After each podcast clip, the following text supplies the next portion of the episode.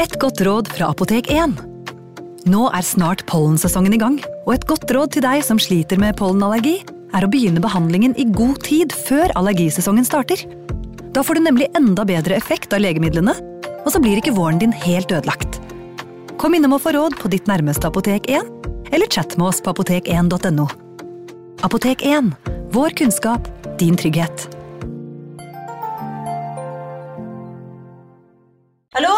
Jeg kommer fra Oslo politikammer.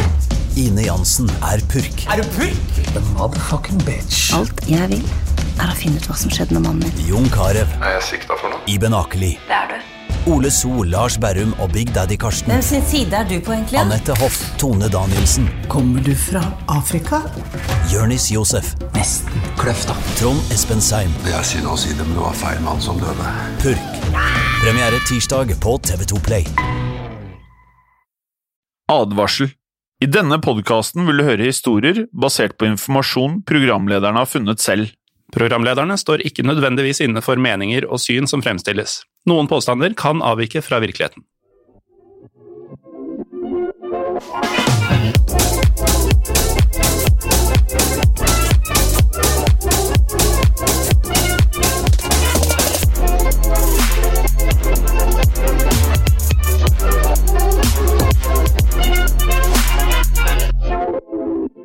Velkommen til Historiepodden. Hei, Jim. Hei, Morten. Hvordan har du det i dag? Jeg har det veldig fint faktisk. Vi sitter her mandag kveld, mandag ettermiddag. Ja, Det var ettermiddag da jeg kom, og så har vi rota så mye nå at det har blitt kveld før vi kom i gang. Ja, men vi koser oss, vi. Vi gjør det. I dag så Vi må jo kunne avsløre at dette er en episode i form av kuriositet. Korrekt. Altså disse kortere episodene om noe veldig, veldig rart. Ja, eller kuriøst, som enkelte har valgt å kalle det. Det passer jo bra med hva vi kaller disse episodene. Ja. Eh, la meg starte med å spørre deg, Morten. Hva, hva er ditt forhold til hunder? Hunder. Ehm, jeg er veldig glad i hunder. Jeg er mest vant til katter, for det er det jeg har hatt mest av uh, i, mitt, uh, i den delen av livet som jeg kan huske. Men eh, da jeg var nyfødt, da jeg var baby, som man sier, så hadde vi uh, ifølge sagnet Jeg husker jo ikke dette selv. Førhistorisk tid i mitt liv. eh, så hadde vi to ulvehunder. Som visstnok var sånn nærmere to meter hvis de sto på bakbeina og var sånn svære og trofaste. da. Ja. Såpass store og trofaste at da mine foreldre gikk på butikken uh, ute på landet der, eh, der vi bodde de første månedene av livet mitt, så sto bikkjene bare med vogna ute og passa på vogna med meg i. Det høres litt ut som Game of Thrones. Ja, det, det er jo ikke noen solskinnshistorie sånn sett, for det er jo bad parenting, men, uh, men hundene var i hvert fall trygge og gode å ha der. Ja. Det er vel ingen som kommer og stjeler noen barn når det er ulver som står og vokter. Det er ulvehunder, men uh, godt poeng. Ja. Det er jo flotte dyr, det kan vi være enige om. Det er absolutt. eh, jeg er spesielt glad i golden retriever, jeg da, vet du. Mm. Uh, og hva forbinder man med hunder i 2019, snart 2020? Man forbinder det med veldig vennlige vesener.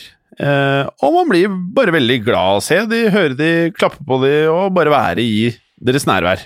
Og så finner du ikke noe mer eh, lojalt enn en eh, hund. Og, og, og de hundene som er vant til mennesker, blir jo helt avhengig av oss også. Um, da tenker jeg jo ikke på uh, lø, løshunder og villhunder, men disse hundene som vi stort sett har med å gjøre her i Norge. Da. De fleste av oss, minus da kanskje områder i Asia, ser i hvert fall på hunder som flotte venner og kompaner. Noen vil kanskje gå så langt som å kalle dem familie også.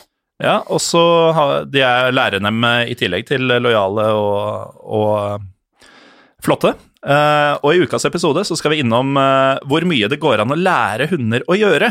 Uh, men ikke liksom disse klassiske triksa som å hente pinne og rulle på rygg.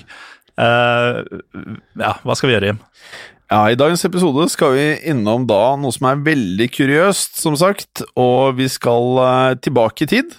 Eh, vi skal tilbake til etter første verdenskrig, men før andre verdenskrig. Det er helt riktig. Det hele starter i 1924, da det revolusjonære rådet i Sovjetunionen godkjente bruken av hunder til militære hensikter. Dette skulle inkludere en rekke forskjellige områder, da. Noen var hyggeligere, kan vi jo si. Hyggeligere oppgaver enn eh, andre. Gjerne oppgaver vi forbinder med slik vi kjenner hunder i dag, som å finne og kanskje da redde også sårede soldater. Eh, de ønsket å lære dem opp til å kunne levere førstehjelpsskrin. Det er jo veldig i hundens ånd. Så langt høres det jo ut som et hyggelig prosjekt. Ja, ja. Og så skulle de også kunne eh, bringe medisiner til sårede i feltet. Ja. Eh, levere brev og kommunikasjon, det kan man jo forestille seg er viktig i en krig. Eh, og også da transportere mat og drikke. Helt essensielt. Dette høres jo rett og, slett, rett og slett ut som gode ideer, og, og det er jo ting som man tenker at hunder passer godt til eh, å gjøre, og noe de kanskje også har glede av å utføre. Og, eh, men, men det hadde jo kanskje vært en litt eh, kort eh, kuriositet hvis det bare var sånne ting vi skulle snakke om. Ja, men det er ikke bare det. For Sovjet hadde helt andre ambisjoner enn å bare få hundene til å hjelpe soldatene. For hundene blir med etter man hører dette mer som krigshunder. Eh, vi har jo i en tidligere kuriositet pratet om krigsbjørnen Wojciech, som er den eneste episoden jeg gikk bak din eh, rygg og produserte. Ja, da jeg tror jeg var i Syden da jeg så at den dukka opp. Ja, du drev og koste deg mens jeg satt i studio. Wojciech. Men jeg koste meg sjæl. Men han var for det meste bare snill, han Wojciech. Eh, og hjalp medsoldatene med å bære ting, bære ammunisjon. Vi husker jo at han fikk jo utmerkelser for å være den beste bæresoldaten i militæret. Så, Han var en bjørn, da. Ja. Skulle bare mangle, liksom. og så var det jo sånn at eh, medsoldatene elsket å kose med han. De lå i sånne skyttergraver og bare lå inntil pelsen hans og koste. I eh, litt røffe eh, omgivelser, vel å merke. Og da er det jo litt ironisk at i motsetning til krigsbjørnen, så skulle krigshundene bli vesentlig mer dødelige. For uh, Det var planen, i hvert fall. Ja, uh, de skulle jo for så vidt bli det Ja også, men ja. kanskje ikke helt som planen, men mer om det senere. Eh, Sovjetunionen ville jo at hundene skulle bli en del av selve slagene i krig, og de skulle annet finne, kunne finne frem til hvor, uh, hvor det var fiendtlige miner. Som Eh, i og for seg er en fin ting. Ja, uh, men farlig arbeid, da. Ja, ja veldig farlig. Men igjen en god idé, på sett og vis. I hvert fall hvis du verdsetter mennesket høyere enn dyr, noe som Ja. det virker som russere gjorde på 20-tallet. Ja. Men de skulle også kunne ødelegge fiendtlige militære mål. Ja, som eh, i prinsippet da betyr at hundene skulle bli mer eller mindre fullkomne soldater. Ja, og for at disse hundene skulle bli fullblodssoldater, så oppretta det sovjetiske militæret en, eh, en spesialisert skole og et treningssenter i Moskva-provinsen, eller eh, Moskva Oblast, som, som de sier der. Moskva Oblast. Oblast. De skulle så åpne hele tolv regionale slike hundeskoler, da, kort tid etter den første var i gang. Og um, tre av disse spesialiserte seg da på det som fikk oss interesserte i dagens tema. For det var nemlig at hundene skulle trenes opp til å bli antipanservognhunder! Det, høres uh, sjukt ut. Ja, og enda et ord som faktisk høres bedre ut på norsk enn på engelsk. Altså panservogn. Det er, eh, det er tøft. Jeg er enig, men jeg syns faktisk tank Det er noe veldig annen Eller jeg forbinder det med noe veldig andre verdenskrig, da. Ja, og i det hele tatt, altså når du nevner andre verdenskrig, det er jo eh, hunder mot panservogn. Det høres jo litt sånn uh, nazi-påfunn-aktig ut. Ja, det er veldig naziaktig, sånn naziingeniørpåfunnaktig. Eh, nå skal det sies at vi har snakket om å lage en egen episode om andre dyr som skal ha vært lært opp til å bli og være soldater. Alt fra delfiner og spekkhoggere til eh, det vi ikke helt vet om vi kan eh, tro på, som da er Vi har hørt om ble, blekksprutsoldater og akkarer, eller akkar, er det flertall? Uh, akkar i eh, flertall er akkarer, eller eh, på nynorsk akkarar. Ja, Det er jo greit for lytterne å vite at vi får utrolig mange meldinger av folk oppover i landet. Som, vil, som skal ha oss til å bli flinkere til å uttale mange av stedsnavnene, blant annet. Mm. Men uh, akkurat uh, akkar er altså akkarar på nynorsk, hvis noen lurte på det. Ja. Akkarer skal også være trent opp til å være soldater, men ikke akkurat eh, lett info å finne mye om dette, så jeg vet ikke om denne episoden blir noe av, men denne episoden tar for seg et dyr som i aller høyeste grad skulle eh, i hvert fall planla, eh, planlegges å være en viktig del av en kommende krig. Ja, og eh, lytterne har jo nå merka at denne episoden har blitt noe av, så tilbake til hundene. Et, eh, Et lite problem eh, oppsto jo for russerne da de skulle trene opp hundene, fordi eh, militæret deres eh, hadde jo ikke spesielt mange hundetrenere. Og hva gjør man når man ikke har mange hundetrenere, og man ønsker å trene opp mange, mange hunder?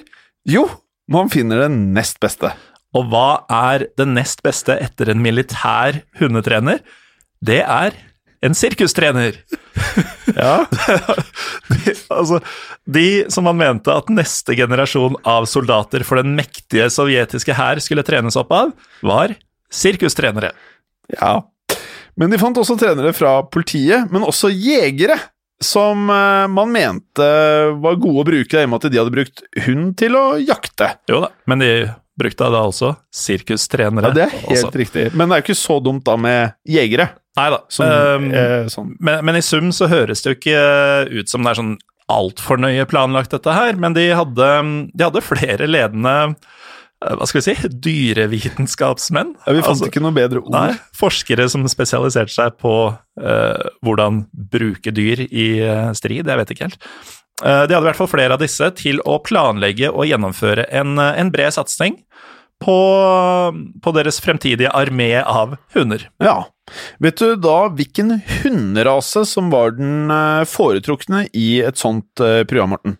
Hvis eh, det hadde vært nazistene som sto bak, som jeg syns egentlig fortsatt er litt rart at dette ikke er en nazihistorie, Ja, det er litt underlig. men hvis det hadde vært dem, så ville jeg sagt Deutscher Schäferhund. Oh. eller bare schæfer, da, som vi kaller det i Norge. Ja, det er helt riktig. Det er også det Sovjet valgte å gå for. Selv om de hadde andre hunderaser også, så var det da schæferen som var eh, det åpenbare og foretrukne valget til denne nye hundearmeen. Grunnen til dette er at den har eh, gode fysiske attributter, og ikke minst at de er veldig fine og raske å trene opp og lære opp, altså. Ja, og de er jo ofte brukt av politiet også, så det er jo eh, tilsynelatende en lang linje gjennom historien med bruk av nettopp schæfere. Um, I 1935 ble det som i dag refereres til som anti-tank dog-soldater, eh, eller antipanservognhunder, som vi nevnte tidligere, eh, offisielt inkludert i Den røde armé. Ja, tanken var da at hundesoldatene skulle ha på seg et eh, spesialtilpasset belte. Og på dette beltet var det festa en bombe. Og planen var at eh, hundene skulle dra i en snor med tennene sine, eh, som gjorde at beltet falt av kroppen deres. Ja, og på denne måten kunne hundene da komme seg vekk, mens eh, noen menneskelige soldater med soldater, som da har tommel, de kunne da presse på en utløser som sprengte bomben som var etterlatt ved målet, eller ved en tidsinnstilt selvutløsende løsning. Og eh, ikke overraskende så var det jo flere utfordringer med dette her. Eh, Spesielt at det var dyrt å lage slike fjernstyrte løsninger på denne tiden. Men også det at eh, hundene slet med å dra i denne snora, som gjorde at de faktisk la igjen beltet med bomba på. Ettersom hundene slet med akkurat dette, så ble det en enorm risiko for sovjeterne å i det hele tatt la disse hundene utføre disse oppdragene, ettersom de i eh, virkelig krig ville risikert at hundene kom tilbake med beltene på, og at da bombene kanskje da ble utløst blant dem selv. Og dette førte til noe som eh, ikke satte de sovjetiske menneskelige soldatene i fare, men som gjorde at hundene aldri kom tilbake fra oppdragene sine, for eh, løsningen deres var å sprenge beltet mens det var fastspent på hunden. Så det man da i prinsippet gjorde etter hvert, var å trene hundene til å rett og slett finne andre panservogner, som på trening ble gjort ved at man la mat under panservognene.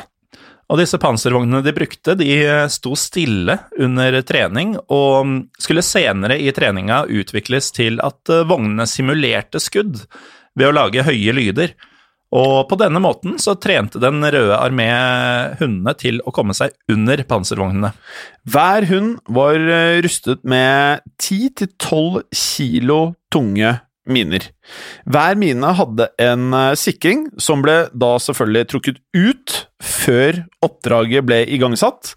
Eh, nå vil nok den observante lytteren lure på hvordan minen ble utløst, selvfølgelig, selv om han trukket denne sikringen. Den ble utløst ved at eh, det var en pinne som var spesialtilpasset til å utløse bomba hvis den ble dytta ned. Og ettersom hundene var trent til å gå under panservognene Akkurat dette er eh, litt interessant. Hvorfor under panservognene? Det er jo fordi eh, dette er ansett som det svakeste punktet til vognene, og som vi var innom i episoden om Operasjon Muskedunder, en bombe sprenger jo oppover, først og fremst. Helt riktig, og det var en av grunnene til at de ikke fikk full effekt når de i Operasjonen Muskedunder skulle blæste disse generatorene, da. Mm. Denne pinnen som skulle fungere som en utløser, var ca. 20 cm høy, som gjorde at den ble dyttet ned når hundene krøp under panservognene. Og Dermed eksploderte bomba, og hvis den gikk av på rett sted, så gjorde det at panservogna ikke ville fungere til videre kamp. Som i og for seg, det, Så langt så høres jo dette ut som de har tenkt gjennom ting eh, relativt nøye, da. Ja, Bortsett fra dette at hundene har blitt selvmordshunder. Da. Ja, det er ikke optimalt. Dersom du liker Historiepodden, vil vi anbefale at du sjekker ut lignende podkaster fra moderne media. Som eksempel Skrekkpodden og True Crime-podden. De er å finne overalt der du lytter til podkast, som eksempel iTunes og Spotify. Eh, vi nevnte nazistene tidligere i episoden, en periode som ikke kom lenge etter 1935, som vi nevnte, og da krigen tok en vending til å utvikle seg mellom Sovjet og Tyskland, så har vi kommet til 1941 og 1942. Og her skulle militærhundene få en viktig rolle, for hele 40 000 hunder skulle i perioden frem til krigen kom til Sovjetunionen, bli trent opp til forskjellige militære oppgaver. En, eh, en, trening som endte med først og fremst å lære hundene å komme seg under fienden sine panservogner. Den første gruppen med hunder som kom til fronten var i 1941, og det estimeres at det var omkring 30 hunder med 40 trenere. Ikke sånn umiddelbart veldig effektivt, uh, høres altså, det ut som. Altså flere mennesker enn hunder for å komme i gang, da. Altså. Ja, og, og, hundene som jo skal sprenges i prosessen, vil jo bare fungere til ett oppdrag. Ja, det var ikke mange flere, nei. Det var uh, også andre utfordringer. For det viste seg raskt at det at de på treningen praktiserte på panservogner som sto stille, det var ikke helt optimalt. eh, noe som ble gjort da for å spare drivstoff, eh, angivelig. Og det er jo en investering i drivstoff som de kanskje skulle tatt under treninga, for i krig så står eh, panservognene sjelden eh, stille, og hundene var jo ikke vant med at de gikk av skudd, fordi på treninga var det kun simulerte lyder av skudd, og en simulering blir jo aldri ekte vare. Dette i kombinasjon med at det skulle vise seg at hundene ikke ville krype under panservogner som var i bevegelse, og det, jeg skjønner jo godt at det ikke er fristende, gjorde at hundene ikke ble spesielt effektive i feltet, slik eh, Den røde armé hadde ønsket og håpet, da. Nei, eh, og de tapreste av hundene, de, eh, de turte å løpe ved siden av vognene, men eh, ble da skutt av andre soldater, og i andre tilfeller så ble hundene så redde av alle skuddene at de løp tilbake til deres sovjetiske medsoldater, akkurat som de frykta. Noen ganger så detonerte bombene idet de kom tilbake, som gjorde at mange av deres egne soldater ble drept. Ja. For å forhindre dette så måtte soldatene av Den røde armé skyte sine egne hunder før de rakk å komme tilbake. Ofte så var det da faktisk hundetrenerne selv som måtte skyte hundene. Minner meg om en tegnefilm hvor uh, la oss si Donald hiver en bumerang, og så kommer den tilbake og klasker den i nebbet. Uh, ganske mislykka program, dette her. Ja, så langt så er dette ikke bra for noen. Dette resulterte i at uh, mange av trenerne naturlig nok ikke ønsket å trene opp flere hunder. Nei, Det skjønner jeg godt. Ja, der er jo de som kanskje er mest glad i dyrene. Og her blir de trent opp til eh, at de mer eller mindre tok, eller begikk selvmord. Eh, og det ble derfor sagt at eh, militæret ikke nøyde seg med å ofre mennesker til krigen, men beveget seg videre til å slakte hunder også. Og de som uh, turte å snakke åpent om dette i, i det samfunnet som Sovjetunionen uh, var, ble forfulgt av spesialetterforskere og fikk ikke fred, for eh, Sovjet ønsket jo ikke at dette skulle komme ut. Definitivt ikke. Av de 30 hundene skal kun fire av disse ha påført noen som helst skade på tyske tankser. Mengden av skade er da også heller diffust eller ikke definert i noen av kildene vi har eh, kommet over. Altså, Du sa fire av de 30 hundene skulle ha påført noen form for skade på tyskerne. Ja. Seks av hundene eksploderte blant sovjetiske soldater, som da betyr at det var flere av disse hundene som påførte skade blant uh, sine egne, enn det var hunder som påførte skade blant fienden. Ja. Tre hunder skal ha blitt skutt av nazistene eh, i feltet, og da brakt tilbake av tyskerne for undersøkelser, for dette var jo Det er klart, de skjønte jo ikke hva det var første gang de, de kom over disse hundene. Eh, og på denne måten så fant de jo da selvfølgelig ut hva eh, sovjeterne pønsket på, og skjønte da med andre ord hva de planla fremover med denne hundepatruljen, eh, eller panserhundebataljonen. og tyskerne hadde jo rett eh, i, eh, i noe under krigen, og det var annet at de kalte dette prosjektet for eh, ineffektivt og desperat. Tyskerne bygde også propaganda rundt dette. Nazistene sa at sovjeterne ikke turte å kjempe mot dem, og at det derfor var slik at de da sendte hundene deres i stedet. og det her, det, her, det høres jo veldig annen verdenskrig-propaganda ut, dette her. Ja. Men nå har du altså mislykkes med, med en plan som du har jobba med i 15 pluss år, og i tillegg så blir da planen brukt mot deg i propaganda. Man kan jo trygt si at uh, hundemilitæret ikke var spesielt effektivt for Den røde armé. Føles ikke sånn. Eh, men som dette ikke var nok, så skulle det da vise seg at eh, det hadde blitt gjort enda mer under treningene av hundene, som gjorde det problematisk for hundene i feltet. For under trening eh, så brukte Sovjetunionen panservogner med dieselmotorer Ja. eh, til å lære opp hundene, mens de tyske vognene, Jim, de brukte Bensinmotorer. nettopp, og ettersom hundene var helt avhengig av luktesansen, så endte de jo opp med å lukte seg frem til de sovjetiske panservognene, som hadde den lukta de var vant til fra trening. Det er ikke helt optimalt, eller? Nei, det er ikke perfekt. Nei, for eh, når du da egentlig har brukt alle disse 15 årene på å skape et hemmelig våpen som skal ta rotta på fienden, så betyr det i prinsippet at eh, Den røde armé trente opp eh, militærhundene sine til å finne sine egne panservogner, og da også ødelegge sine egne styrker. Og da er det jo lett å forstå kildene som, eh, som beskriver viktigheten av bruken av militærhunder under andre verdenskrig som uviss. Ja, det er mildt sagt. Jeg jeg syns nesten de er litt, litt milde når Ja. de bruker ordet uviss. Men eh, Sovjetunionen selv hevdet at eh, rundt 300 tyske panservogner skal ha blitt skadet av antipanservognhunder. Og dette, kom, dette her er jo åpenbart eh, propaganda. Til og med ifølge russiske historikere Ja. er dette propaganda. Og dette ble jo da selvfølgelig åpenbart gjort for å rettferdiggjøre bruken eh, under eller av treningsskolene deres, da. Eh, likevel så skal det ha vært enkelte historier der eh, hundene skal ha klart å ødelegge tyske panservogner, som i fronten av den 160. infanteridivisjonen nær Khukiv. Eh, og Morten, for, eh, for våre faste lyttere så vet jo de at du, du reiser en del. Og når vi prater om litt sånne steder som jeg aldri har hørt om, så må jeg spørre, har du vært i Lukiv? Hulukliv? Kiv? Jeg, jeg har vært i Ukraina, som, ja. som Khukiv ligger i, men Ja. jeg har aldri vært i Lukiv. Nei. Eh, men over til historien. Eh, her skal eh, altså seks hunder har klart å skade fem tyske panservogner. Da er det plutselig supereffektivt, hvis det stemmer.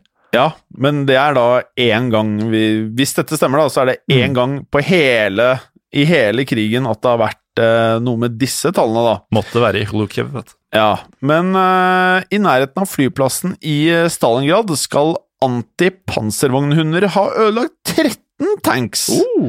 Så nå, da begynner jo tallene å, å ligne noe, i hvert fall. Og ved slaget om eh, Kursk så skal eh, 16 hunder ha stoppet 12 tyske panservogner som eh, hadde brutt gjennom de sovjetiske forsvarslinjene. Det tyske militæret hadde blitt da selvfølgelig observante på disse antipanservognhundene, slik at de fra 1941 tok da forhåndsregler mot hundene. Og på den måten, Morten, så kan man jo si at eh, bare det at de måtte ta forhåndsregler, eh, er, er det en seier, eller mild seier? Da har det virka litt. Ja, virket I litt. hvert fall.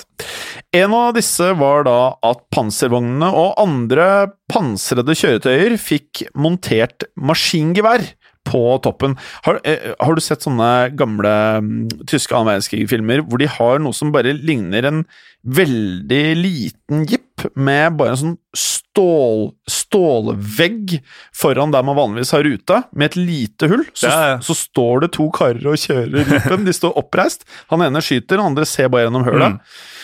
Nettopp sånne type pansrede eh, kjøretøyer var enkle å produsere, de var billige å produsere, og du kunne produsere mange av de. Mm. De var, eh, skulle man tro, effektive mot hundene. Høres jo ikke ulikt eh, de bilene som ble brukt av australierne da de skulle myrde emuer på, på 30-tallet. Ja, de er faktisk ganske forskjellige. De tyske pansrede kjøretøyene her, de er ganske nazibiler. Ja, De er, de er pansra, tross alt. Ja, du måtte jo ikke pansre bilen mot eh, emuene. Nei, for de kunne ikke fighte tilbake, skjønte jeg. Mm.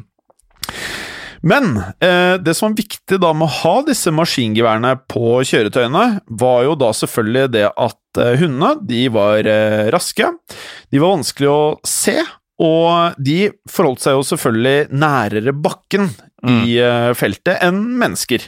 Og alle tyske soldater fikk da beskjed om å skyte alle hunder de så i felten. Etter 1942 skal bruken da av antipanservognhunder i Den røde armé ha gått ned betraktelig, ikke overraskende. Nei, men eh, etter å ha hørt hvor ineffektivt eh, dette stort sett var, så er det jo heller ikke overraskende at det var omtrent da det begynte å snu til eh, russernes og de alliertes fordel, etter at de trappa ned bruken av hunder. Men uansett Da vi researcha dette, så leda jo dette oss til å tro at hele prosjektet antagelig ble skrinlagt etter, Ja, det var jo det åpenbare å tro. ja, etter andre verdenskrig, men det ble det ikke.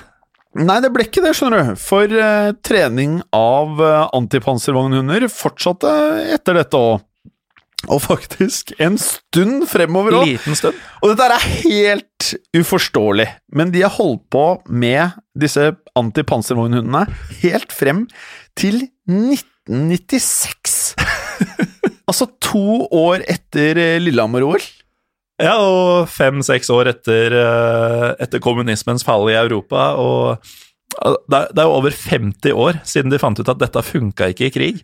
Vi fortsetter å prøve. Uvirkelig. Ja, det er, eh, det er nesten De lærte liksom aldri. Nei, de, de ville ikke lære, men det som er sikkert, er at det har skjedd. Og det kan skje igjen. I produksjonen av Historiepodden så ønsker vi å takke Håkon Bråten for lyd og musikk. Takk til Felix Hernes for produksjon. Takk til Ellen Froktenestad for tekst og manus. Og takk til deg, Morten Galesen, for programlederrolle. Og takk til deg, Jim Fosheim, for programlederrolle.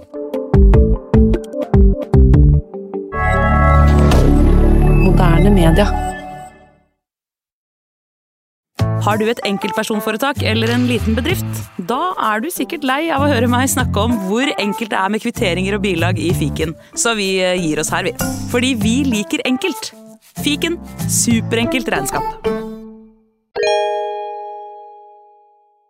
Hei, og takk for at du lytter til Historiepodden.